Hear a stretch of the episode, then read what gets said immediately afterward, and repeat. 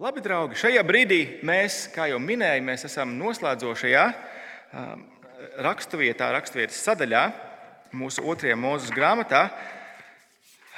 Raksturvieta ir ļoti gara, bet mēs lasīsim nedaudz no sākuma un nedaudz no izskaņas. Eh, tāpēc šajā brīdī atvērsim vaļā otro mūzes grāmatu, 35. nodaļu, kas ir 106. lapas pusē. Un mēs nolasīsim 35. nodaļā pirmos desmit pantus, tad savukārt mēs aizšķirsim uz beigām, uz 40. nodaļu. Un 40. nodaļā mēs lasīsim no 16. panta. Ja tā tad 35. nodaļa, pirmie desmit panti, un 40. nodaļā mēs lasīsim no, sākot no 16. panta.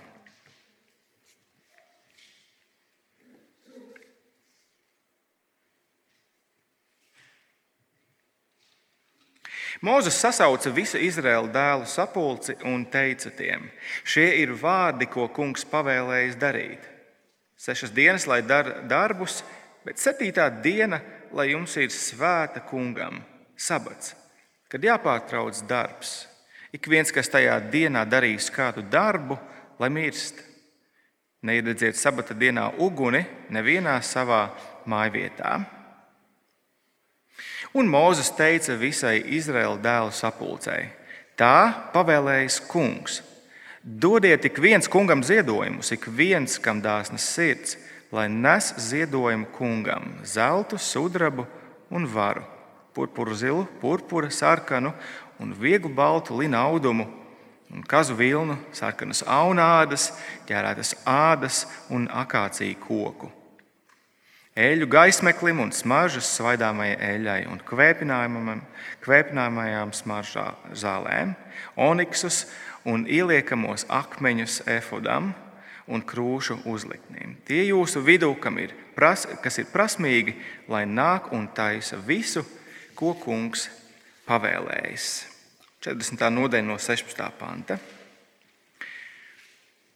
Un Mozus darīja visu, kā kungs viņam bija pavēlējis. Tā viņš darīja. Otrā gada pirmajā mēneša pirmajā dienā tika uzsliets mājoklis.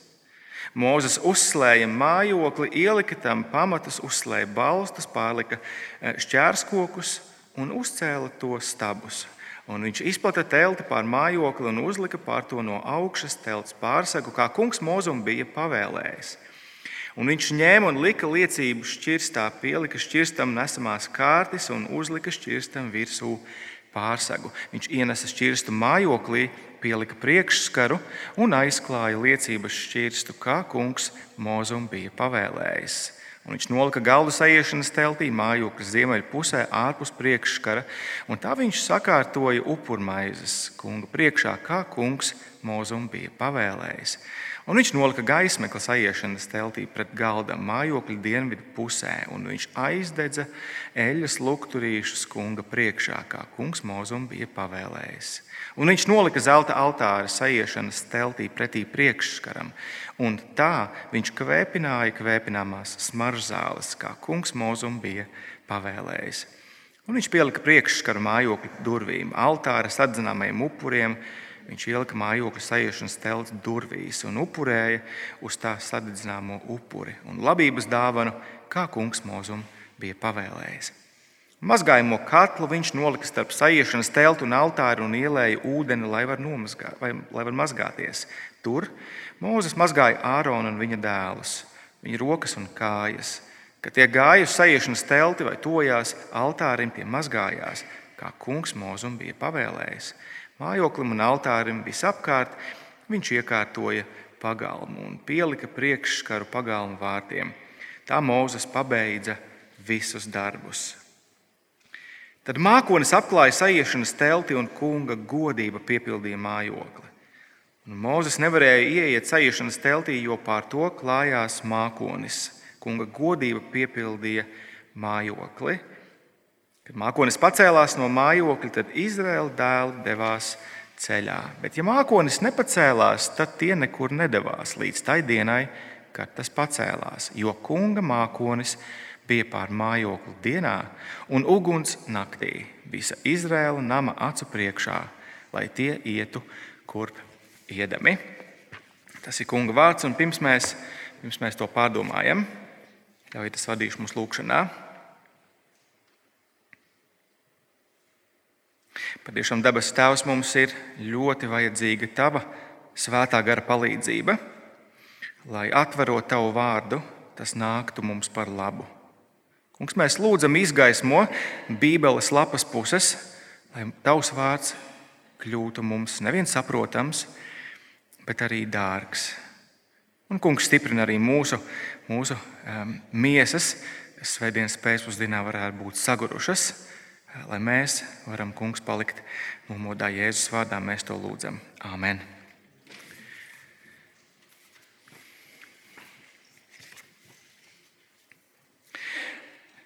Es domāju, ka es varētu diezgan droši teikt, ka lielākā daļa no mums mēs nevien esam bijuši slavenajā eh, veikalā IKEA, bet esam diezgan labi eh, kādu gadu garumā iepazinušies ar viņu produkciju. Eh, es zinu, ka mūsu vidū ir īstenībā arī vairāki IKEA mēbeļu salikšanas eksperti. Es nerādīšu šajā brīdī ar pirkstiem, bet, bet mēs zinām, kur tie varētu būt. Es katrā ziņā sevi pie šādiem ekspertiem nepieskaitu. Aizdzītajā pusgadā man bija tā iespēja salikt kopā divas divstāvīgās gultas. Pēc manām domām man gāja ļoti labi. Bet tikai pēc otrās gultas salikšanas es, es sāku kasīt nedaudz pakausi un sāku domāt, kāpēc man ir palikušas pāri desmit skrūves no pirmās gultas, kuras tik veiksmīgi saliku. Protams, ka sākotnēji es domāju, ka IKEA ir kļuvuši vienkārši dāsni, bet, protams, ka tā nav patiesība. IKEA ir absolūti pedantiskuma kalngals. Tur viss ir atmērīts, viss ir saskaitīts, viss ir salikts. Pāri palikt nedrīkst pilnīgi neviena skrūvīte. Nu, jūsu sirdsmieram tās nebija kritiskās skrūves, kas turēja gultu kopā. Es neieslīgšu detaļās, tas bija nieks, bet katrā ziņā, katrā ziņā viss bija saskaitīts.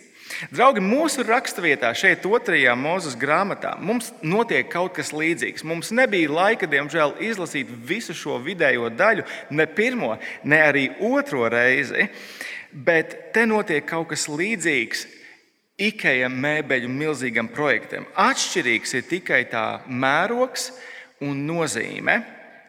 Labi, varbūt tomēr arī kvalitāte ir atšķirīga. Šis, par ko mēs lasām, sajiešanas telts, uzcelšanas, mājokļa uzcelšanas, pabeigšanas projekts, īstenošanas projekts, nav gluži ekonomiskās klases IKEA projekts. Tas ir elitāras galvniecības firmas šedevrs. Par to nav ne mazāko šaubu. Un mēs jau redzējām, ne iepriekšējās nedēļas, kā Dievs dod mūzum norādījumus par sajiešanas telts būvniecību. Mēs redzējām to no 25. līdz 31. nodaļai. Un mūsu raksturvietā šodien šis sajiešanas telts būvniecības projekts tiek pabeigts. Pāri nepaliek neviena skrūvīte, katra detaļa ir savā vietā. Ja jūs ievērojat, kā lasījuma otra puse eh, plūda, viņš izdarīja visu, kā kungs. Mozus izdarīja visu, kā kungs bija pavēlējis. Un vai tas nav liels iedrošinājums mums otrās mūzes grāmatas noslēgumā?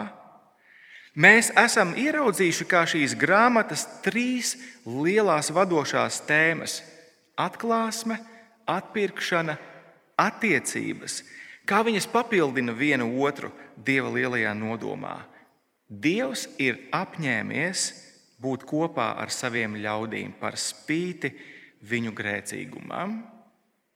Dievs atklāja sevi kā kungu, kurš nāk, lai atpirktu savus ļaudis, būt attiecībās, lai tie būtu attiecībās ar Dievu. Un grāmatas beigās Dievs, Dieva nodoms tiešām īstenojas. Kungs, Dievs ir kopā ar saviem atpirktajiem ļaudīm, un viņa godība skaidri atklājas viņu vidū. Jā, godība, pieliksim viņu kā ceturto tēmu, viņa vienkārši neierakstījās pie 3a. Godība, kunga godība ir liela, liela tēma, ko mēs esam redzējuši. Bet kādā ziņā tas ir liels iedrošinājums, ka šis viss tiek īstenots un pabeigts.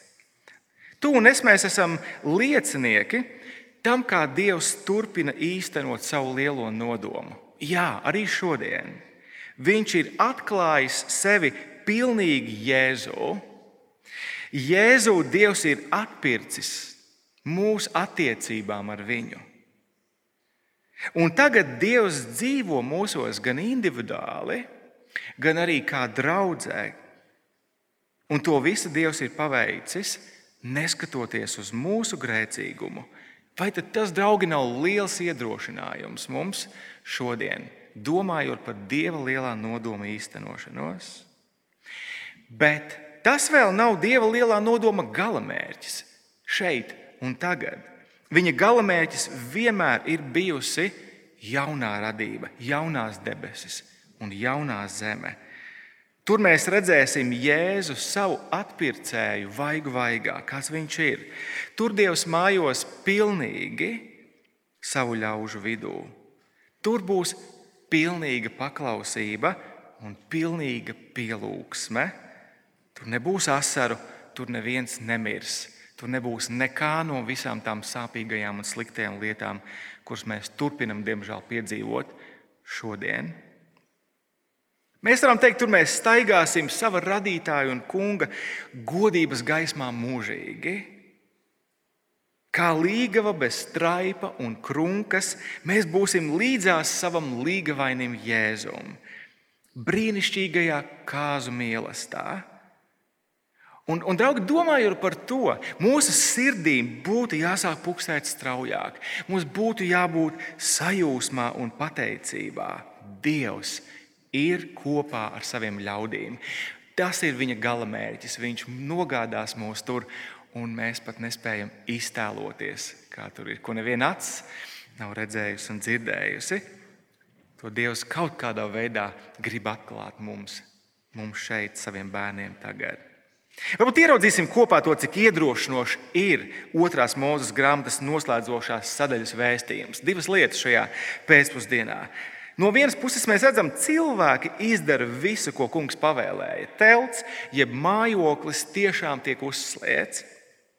Un tad no otras puses mēs redzam, ka kungs, kungs izdara visu, ko ir apsolījis. Viņš mājo, viņš ir kopā ar saviem ļaudīm. Vispirms ļaudis izdara visu, ko kungs pavēlēja. Un, draugi, tas ir pārsteidzoši, jo Izraēla reitings nav bijis pārāk augsts līdz šim. Pareizi. Starp sarkano jūru un starp Sinaja kalnu viņi četras reizes kurnēja pret mūzu. Atsauksim ātri atmiņā. Vienreiz 14. nodaļā mēs redzējām, ieraugot, pirmajā reizē, ieraugot eģiptiešu pakaļdzīšanos pēc iziešanas no Eģiptes. Ja? Viņi diezgan nešpetni apsūdzēja mūzu. Kas mums Eģiptē pietrūka kapa vietu, kas mēs tur nevarējām nomirt, kāpēc mums bija jāiziet šeit viss tas gaisa gabals un jāmirst. Pirmā reize, otrā reize, 15. nodaļā, kad viņiem nebija ko dzert, viņi atkal kurnēja pret mūzu. Trešā reize, 16. nodaļā, kad viņiem nebija ko ēst, viņi atkal kurnēja pret mūzu. Jūs iespējams atcerieties šo citātu, kas mums Eģiptē nekaitēja pie gaļas podiem un sīpoliem un tā tālāk. Cik tur bija labi? Tas nekas, ka tur nebija labi. Visbeidzot, 4. reizes 17. nodaļa. Izraels atkal kurn pret mūzu par to, ka viņam kārtējo reizi nav ko dzert. Turklāt visās, visā šajā posmā Izraels trīs reizes, atsevišķas reizes solīja mūzumu. Mēs darīsim visu. Mēs darīsim visu, un šis viņu apsolījums, kā mēs to redzējām pirms pāris nedēļām, traģiski izgāzās Sinai kalna pakājē pie zelta teļa kājām. Viņi nedarīja. Tad, nu, ņemot vērā Izraēla nepaklausības vēsturi, Mēs esam dubult skeptiski, pareizi. Dzirdot kunga pavēli 35. nodaļā, ieskatieties 35, 1 un 2. Šie ir vārdi, ko kungs pavēlēja darīt. Sešas dienas, lai dara darbus, bet septītajā dienā, lai jums ir svēta kungam. Sabats, kad jāpārtrauc darbs, ik viens, kas tajā dienā darīs kādu darbu, lai mirst. Ja, un, mēs, un mēs nodomājam, nu skaidrs, ka viņi mirs. Viņi līdz šim neko nav spējuši darīt. Un tad ieskatieties 4. un 5. pantā vēl viena pavēle. Tā pavēlējas kungs. Dodiet ik viens kungam ziedojumus, ik viens, kam dāsnas sirds, lai nes ziedojumus kungam, zeltu, sudrabu un varu. Un mēs savā prātā domājam, nu kā tad, kad nesīs? Nu, viņi taču visi jau aiznesa nu, no tam zelta teļām. Bet raugi pārsteigums mūs pārsteidz šīs nodaļas. Redziet, Izraels nevien kaut ko iedod, nevien kaut ko atmet, bet viņi saziedo tik daudz mājokļiem, pabeigšanas projektām, ka telts būvniecības konts ir jāslēdz ciet. 36. nodaļā, 5. pantā mēs redzam, tas tiek aizslēgts. Lūdzu, nenesiet vairāk. Mums ir par daudz, mums, mums nevajag tik daudz naudas. Kāds dāsnums. Kaut kādā ziņā, lasot šos pantus, man bija jāatcerās, man bija jāatcerās um, kristiešu dāsnumu, ko es ieraudzīju briesmīgā Ukraiņas kara sākumā, kad vienai draudzēji Moldovā, kas robežojās ar Ukrajinu, kas ļoti ātri sniedza palīdzību tur, tur tiem, kas, kas pārbēga uz Moldovu, viņiem bija vienā brīdī jāslēdz cieta palīdzības konts. Viņi teica, paldies, paldies, šobrīd mums vairs nevajag. Mums ir pietiekami, lai mēs parūpētos par cilvēkiem, kas, kas ir nākuši mūsu virzienā. Tas ir liels dāsnums. Turklāt Izraels šeit izdara pilnīgi visu, ko Dievs teica. 29. nodaļā mēs, mēs redzam,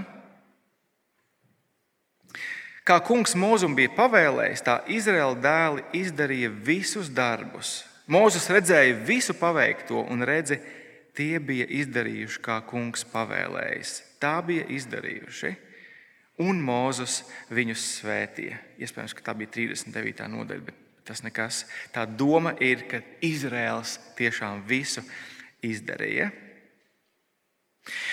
Un īstenībā, ja, ja, mēs, ja mēs atkal domājam, pag, nu, kāpēc autors otru reizi iet cauri detaļu pa detaļai, tik vērienīgam materiālam, no 36. nodaļas līdz 39. nodaļai, Kā viss tiek izdarīts, kāpēc viņš to dara, mēs tagad sākam saprast.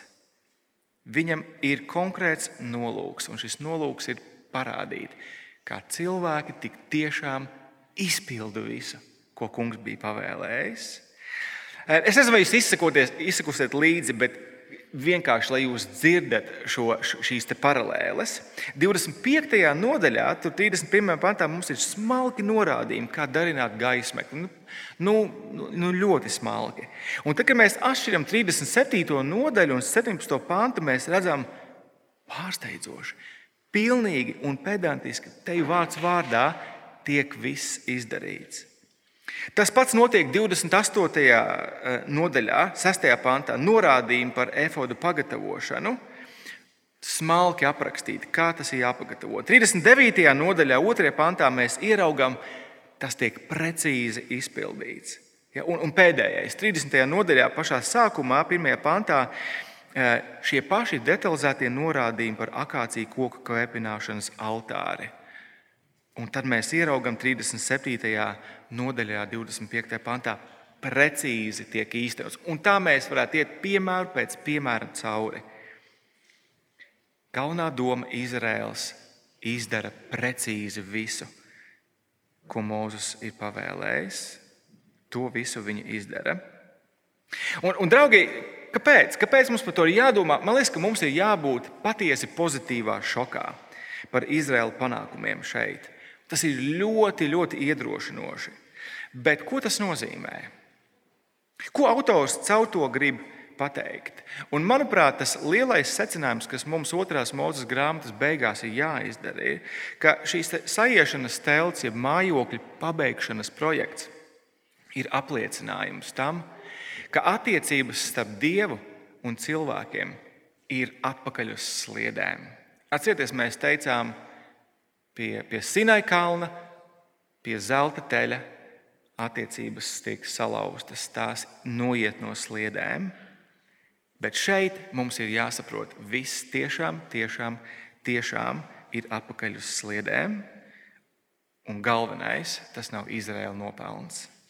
Jo mēs varētu sākt domāt, pagaidiet, kā viņi ir paklausījuši, visu, visi izdarījuši. Ja? Un, un, un tāpēc, tāpēc viss ir atpakaļ uz sliedēm. Bet mums ir jāierauga, ka tas nav viņu nopelns. Jo tas lielais jautājums mums kaut kur prāta nostūrī ir šāds: kā tas var būt, ka šie stūrgalvīgie ļaudis, kas tikko pielūdza zelta teļu, ka viņi spēja izdarīt to, ko Dievs no viņiem sagaida? Kā? Un tas ir jautājums arī mums. Tas ir jautājums mums par savu dzīvi. Kā tas nākas, ka mēs, tādi kādi mēs esam, tādi kādus mēs sevi pazīstam, Kā tas nāks, ka mēs spējam paklausīt Dievam? Varbūt nevienmēr pilnīgi, bet mēs spējam. Un tas ir jautājums arī vēl plašāks, plašāks jautājums. Kas vispār spēj izmainīt cilvēku? Pie kādiem nosacījumiem cilvēks vispār mainīsies pozitīvā virzienā? Es pagājušā nedēļā runāju ar kādu privātās skolas eh, direktoru, Un viņa teiktais mani nudien pārsteidza, un, un mani pārsteidza pozitīvi. Viņš teica, kā skolas direktors, es tiešām ticēju, ka es izveidošu īsto vidi bērniem, ka es piedāvāšu viņiem īsto izglītību, un viņi kļūs labāki. Bet, skatoties uz savu vairāku gadu pieredzi, es varu teikt, tas tā vienkārši nestrādā. Viņi turpina būt ļauni.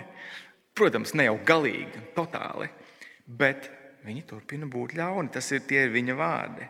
Un, draugi, man liekas, tas ir fundamentāls secinājums no kāda, kurš galīgi nesauc sevi par kristieti. Kā vispār, kas vispār spēj izmainīt cilvēku? Kā, kā cilvēkā var notikt pozitīvas izmaiņas pašos pamatos? Un mūsu raksturvietā ir atbilde uz šo jautājumu. Tas ir Dieva gara radošais darbs. Tas ir Dieva gara radošais darbs. Precīzāk, gan Dieva gara jaunradošais darbs. Man šķiet, ka mēs pirms pāris svētdienām ieraudzījām un domājām to, cik lielā mērā sajiešanas telts visa būvniecība atbalso, atbalso Dieva radīšanas darbu.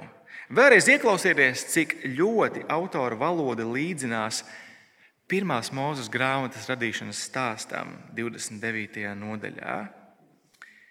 Kā kungs mūzum bija pavēlējis, tā Izraēla dēli izdarīja visus darbus.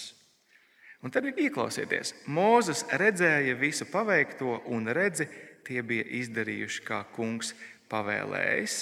Tā viņi bija izdarījuši, un Mozus viņus svētīja. Cik ļoti līdzīgi, kā kungs uzlūkoja savu radīšanas darbu, viņš teica, tas ir ļoti labs, un viņš to svētīja. Cik ļoti sajiešanas telts projekts to, to atbalso pareizi. Dievs atkal strādā, lai dzīvotu starp saviem cilvēkiem. Vienīgi šajā reizē viņš nevis rada kaut ko no jauna, bet viņš jaunu rada, viņš, viņš pārrada. Dieva gara darba rezultātā viņa ļaudīm tagad ir svēta vieta, kur satikt Dievu, un svēts laiks, kad satikt Dievu. Un to mēs ieraugām 35. nodaļas sākumā. Tā ir vieta, un Mozus teica Izraēla dēliem, redziet, kungs izvēlējās eh, Becelēlu, Ūridēlu, Hūra dēlu no Jūdas cilts. Un viņš to piepildīja ar dieva garu, gudrību, un saprātu un atziņu un visādām mākām. Tātad dieva gars ir tas, kas dod meistariem spēju un saprāšanu, lai uzbūvētu vietu, kur satikties ar Dievu. Tas nav Izraēla nopelns, tas ir Dieva darbs, viņa gara darbs. Un tāpat mēs redzējām, ka Izraels ziedoja tikai tāpēc, ka Dievs bija mudinājis kādu cilvēku sirdis. Bet otrais laiks, laiks 35. nodaļas sākumā, šie ir vārdi, ko kungs pavēlējis darīt. Sešas dienas, lai dara darbus, bet septītajā dienā, lai jums ir svēta kungam sabats, jāpār, kad jāpārtrauc darbi. Tātad Izraēlam ir nošķirts laiks, kurā satikt Dievu. Vēlreiz šis ir ļoti iedrošinošs brīdis Izraēla tautas vēsturē. Attiecības starp Dievu un viņiem tiešām, tiešām ir atpakaļ sliedēs. Kā tas nākas, vai Izraels kaut kā pēkšņi saprata, vai viņi to kaut kādā veidā nopelnīja? Nē. Tas bija Dieva gara darbs viņos. Tajos, kas cēla, tajos, kas ziedoja, tikai un vienīgi Dieva gara darbs. Bet, draugi, vai kaut ko, kaut ko tam līdzīgu mēs nevaram teikt arī par sevi? Es domāju, ka mēs varam. Reiz, kā tas nākas, ka mēs vispār spējam raudzīties Dieva virzienā? Kā tas nākas, ka mēs spējam domāt par to, kas, kas Dievam ir patīkams? Mums ir jāatzīst, ka tas ir Viņa gara darbs. Jēzus Jāņa Evanģelī pirmajā nodaļā teica šādi pašā viducītī tiem, kuri viņu Jēzu uzņēma, kas ticēja viņa vārdā, viņš ļāva kļūt par Dieva bērniem, kas ir dzimuši no Dieva. Ja, un trešajā nodaļā Jāņem Evanģēlī Jānis atklāja, kas to paveic. To paveic Dieva gars. Un mēs saprotam, jā, jā, protams, mums arī mums nav vajadzīga vairs sajiešanas telts, mums nav vajadzīgs vairs templis.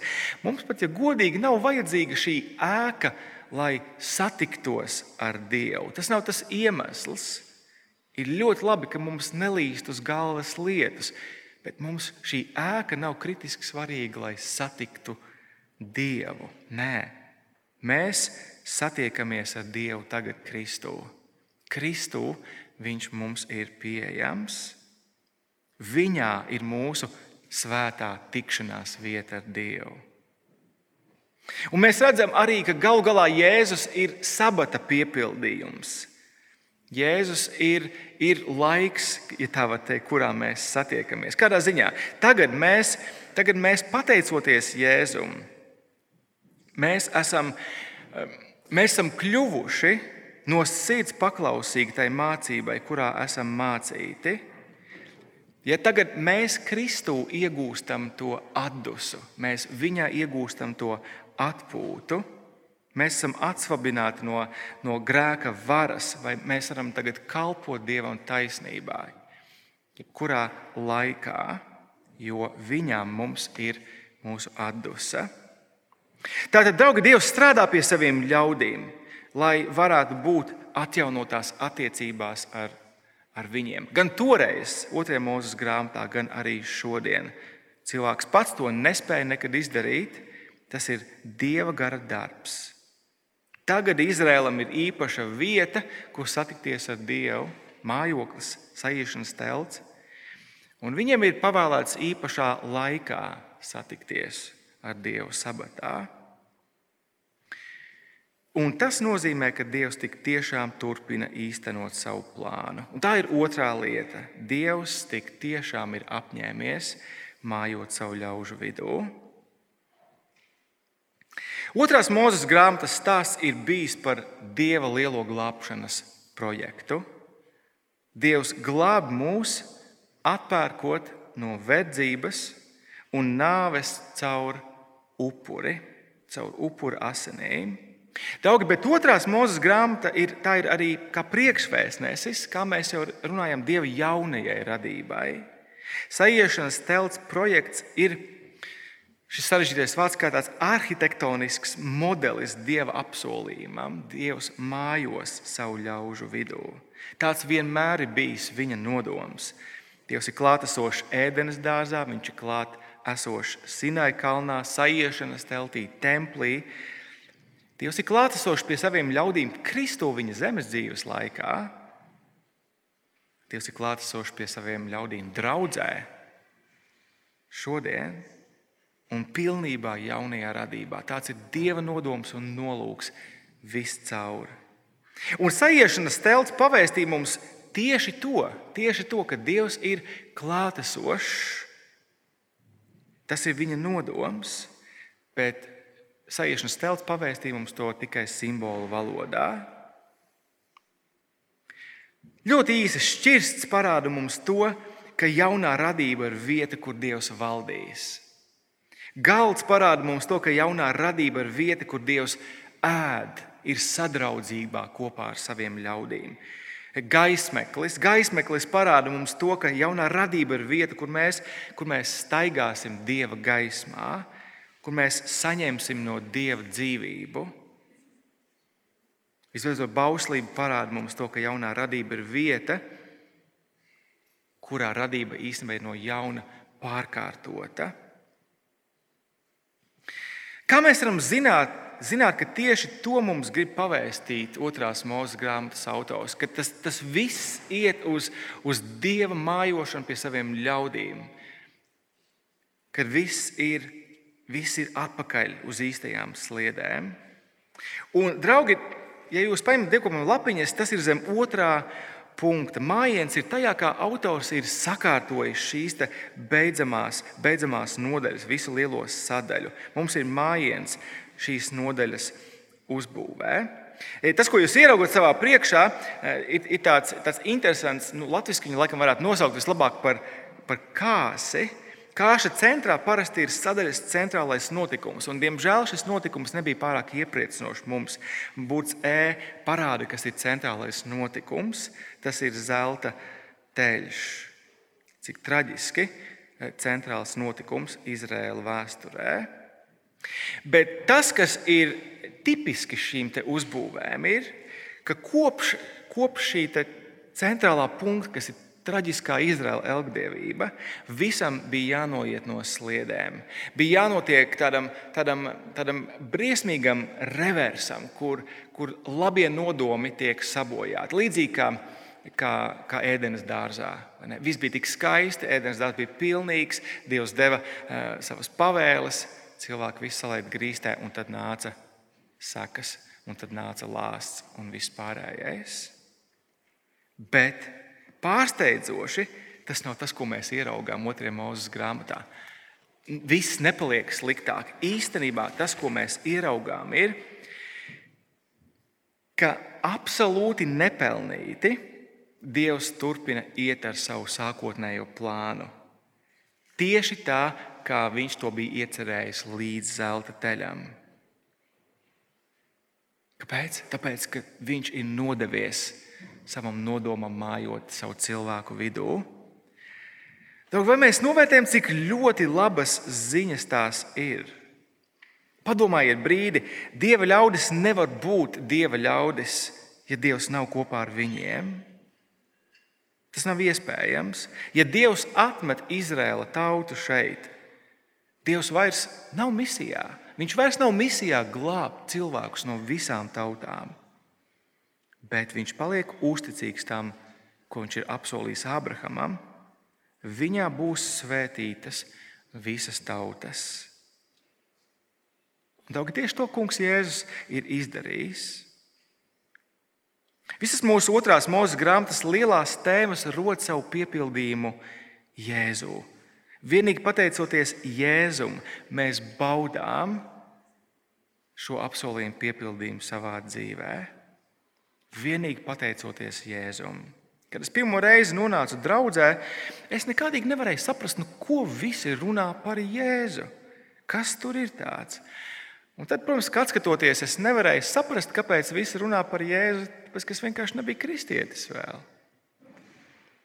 Kad Dievs lika man piedzimt no jauna ar savu garu, pateicoties Jēzum, es sāku saprast, kāpēc viņš ir tik centrāls, kāpēc visi runā par viņu un ko viņš ir izdarījis.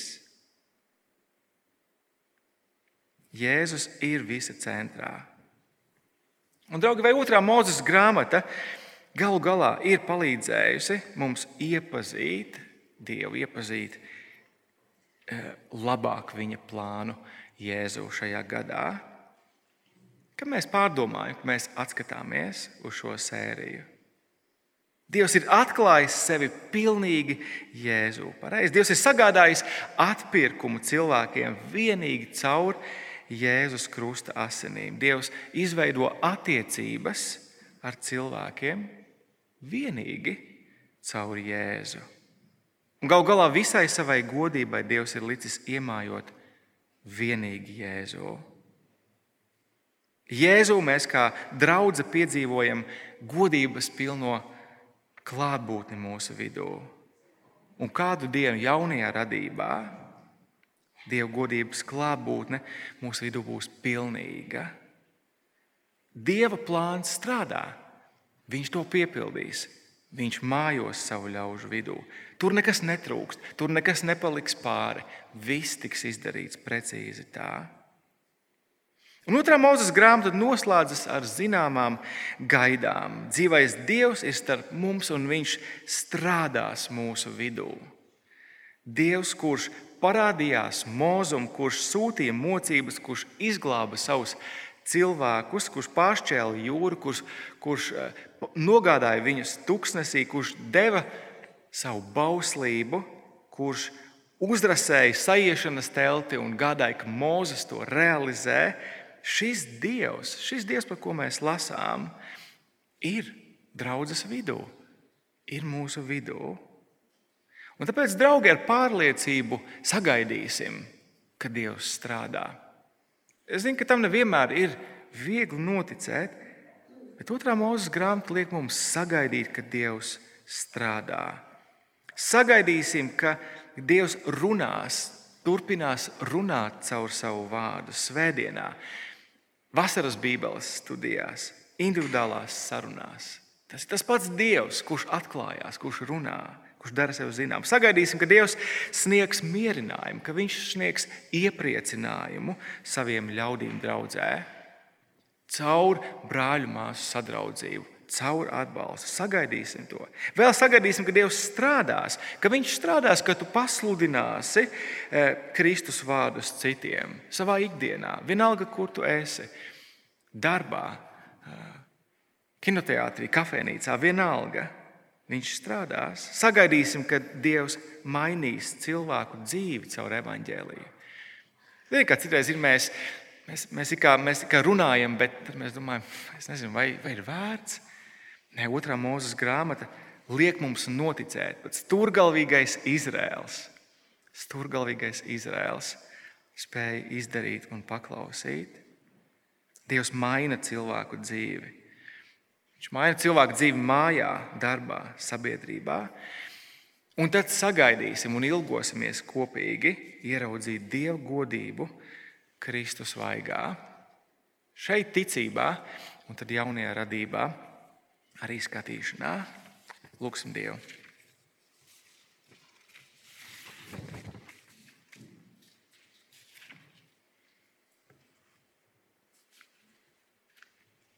Lai dabas Tēvs, mēs šīs lielās un, un svarīgās grāmatas izskaņā gribam slavēt Tevi par par to, kas tu esi, par to, ka tu esi dzīvais Dievs, kas atklāja sevi, kas atpēc savus ļaudis attiecībām ar sevi, savai godībai, lai tā būtu redzama tavu ļaužu vidū.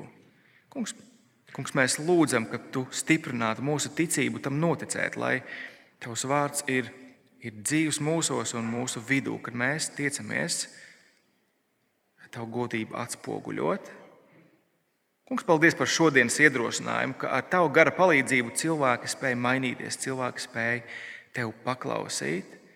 Kungs, paldies par to iedrošinājumu, ka tu esi uzticams Dievs, ka tu savus ļaudis, tu mājosi savu ļaužu vidū.